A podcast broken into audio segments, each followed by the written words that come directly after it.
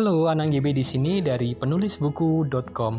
Oke, saya mau sharing hal sederhana tetapi sering kali dilupakan oleh teman-teman yang biasa menulis cerita-cerita fiksi. Hal apakah itu? Yaitu bumbu rahasia di dalam penulisan fiksi. Apa saja bumbu-bumbu rahasia itu? Yuk kita cek.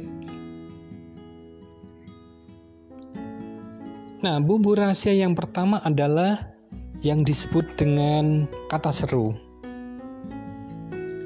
Kata seru adalah bagian dari ekspresi yang kita sisipkan ke dalam sebuah cerita. Jadi kalau teman-teman nulis, kemudian tulisannya datar aja nggak ada emosinya, maka orang pun akan bosan untuk membacanya.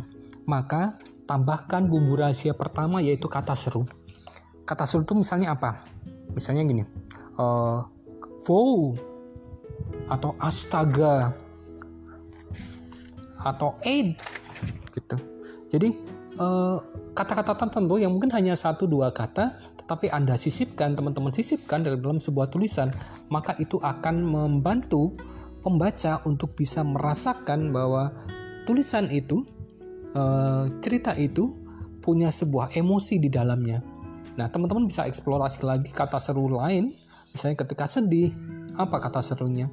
Ketika menjerit apa kata serunya? Ketika uh, bertemu dengan makhluk halus apa kata serunya?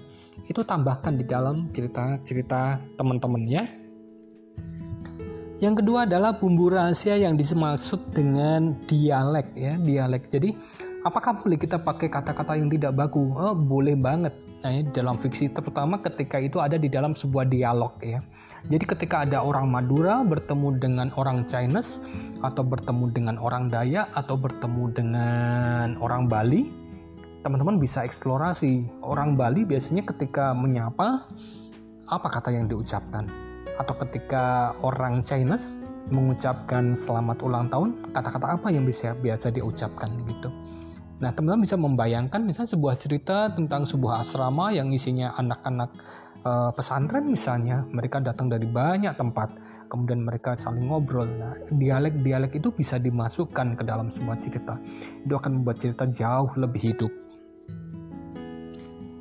Bumbu rahasia yang ketiga adalah kata-kata pengganti atau kalau dalam teori disebut dengan diksi.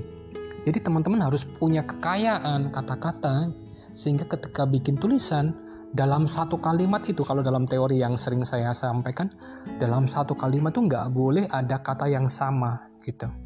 Syukur-syukur kalau teman-teman sudah hebat dalam tulisan dalam satu paragraf kalau bisa jangan ada kata yang sama gitu. Ya itu penting banget. Jadi ketika teman-teman bikin tulisan ketika kata-katanya penuh warna bervariasi itu akan lebih enak dinikmati. Jadi misalnya e, berkata ya. Apa kata ganti dari berkata oh banyak banget. Bisa berbisik bisa menyela bisa berteriak bisa e, berkata dengan melengking atau bisa tergagap gitu. E, mencemooh gitu. banyak banget. Teman-teman bisa mulai bikin listnya bikin daftarnya sehingga ketika bikin tulisan e, tentang misalnya Dito berkata ya bisa diganti Dito berbisik atau Dito menyela atau Dito mencemooh atau banyak banget contoh-contoh yang bisa uh, teman-teman bikin kalau teman-teman sudah punya listnya ya. Nah itu tadi tiga bumbu rahasia yang saya kenalkan. Teman-teman silahkan praktekkan dan baca ulang naskah yang udah pernah ditulis dan coba praktekkan dan masukkan kata seru, kemudian dialek dan juga uh, bumbu rahasia yang satunya lagi ya. Oke, selamat berpraktek.